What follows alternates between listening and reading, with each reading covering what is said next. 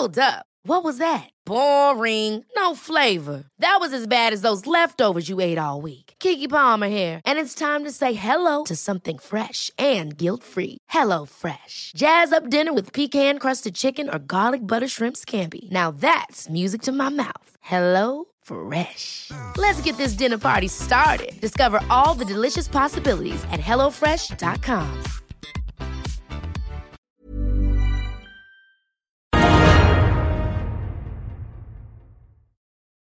Velkommen til Økonominyhetene og vår morgensending torsdag. I dag skal vi ta dere gjennom Asia-børsene. Vi skal også se nærmere på hva som har skjedd med oljeprisen. I tillegg skal vi til Oslo Børs sammen med aksjestrateg Paul Harper i DNB Markets. Vi skal også se på boligpriser med Anders Langtin i Privatmegleren, men først skal vi til Wall Street. Og det var solid oppgang på de amerikanske børsene onsdag kveld. Dow Jones steg 2,2% Nasdaq endte opp 3,6% mens SMP 500 steg 2,7% det er også grønt over hele linjen i Asia torsdag morgen. I Japan endte Nikki 225 opp 2,1% mens den brede Topix endte opp 1 Hang Seng i Hongkong steg 0,3% mens CSI 300 i Kina endte opp 1,2% Vi skal høre at sjefen i Cargyle mener at endrede spisevaner vil gjøre sunn mat mer attraktiv. So if I wanted to invest in something in the food chain now, given where we are, should I invest in uh, farming communities? Should I invest in producers of food? Should I invest in wholesalers? Should I invest in traders? Should I invest in retail, mm. uh, restaurants? Uh, what would you recommend? I think um, you know. I think that I think the switch from food service to retail, there's going to be some permanent level of shift, and you can see different statistics and different prognostications about how many restaurants are going to reopen, and certainly there'll be some that they were small or they were niche that that won't be able to reopen, and therefore I think retailers will pick up that demand. I also think um, I would call them healthy ingredients or organic foods, um, things like probiotics, prebiotics.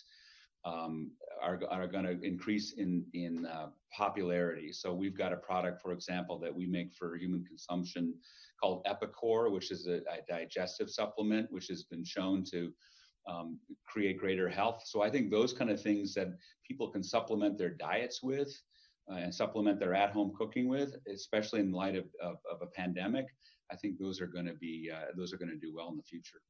Vi skal til oljeprisen som klatrer oppover i morgentimene torsdag. Brentoljen er nå litt over 24 dollar fatet, og så VTI-oljen styrker seg. Og Det påvirker selvfølgelig Oslo Børs, som er opp i dag, men det er også et stort kvartalsrush på Oslo Børs. Vi ser at DNB tapsfører 5771 millioner kroner i første kvartal og tapte hele 345 millioner på én privatkunde. Aker Solutions fikk en smell på bunnlinjen, ned eh, minus 30 av inntektene er i fare.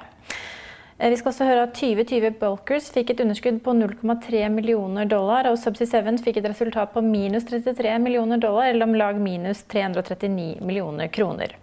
Borr Drilling utsetter årsrapporten i siste liten, mens Protektor forsikring eh, fikk et investeringstap på 452 millioner i første kvartal. Vi går til aksjestrateg Paul Harper i DNB Markets.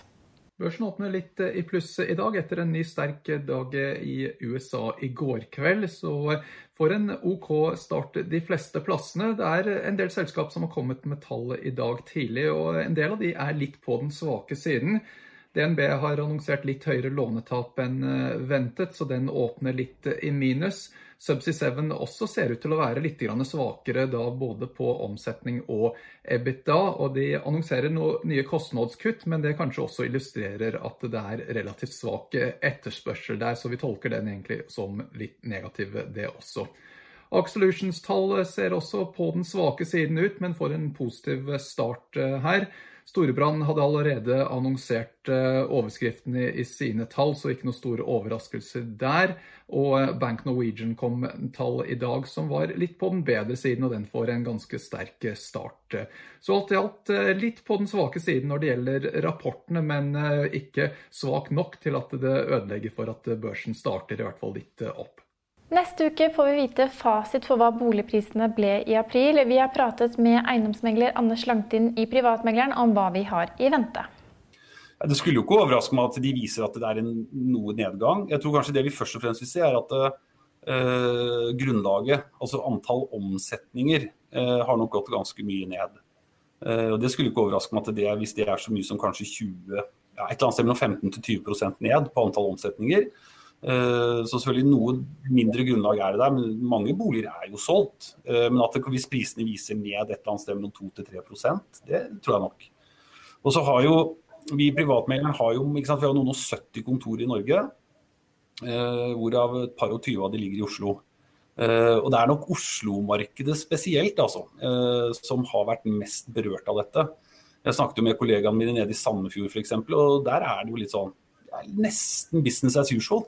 Eh, så jeg, jeg, tror nok du vil se på den statistikken når den kommer, at det er eh, kanskje Oslo som er hardest rammet. da.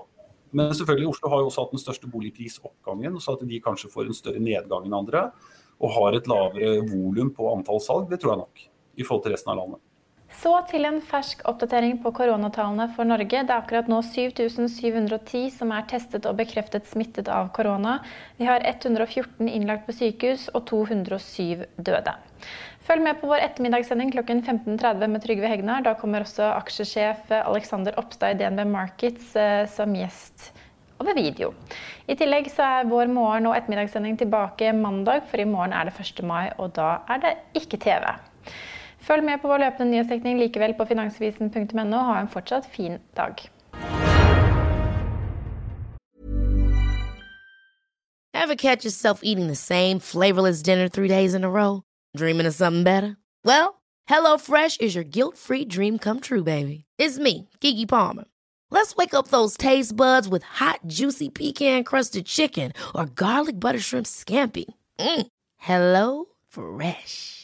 Stop dreaming of all the delicious possibilities and dig in at HelloFresh.com. Let's get this dinner party started.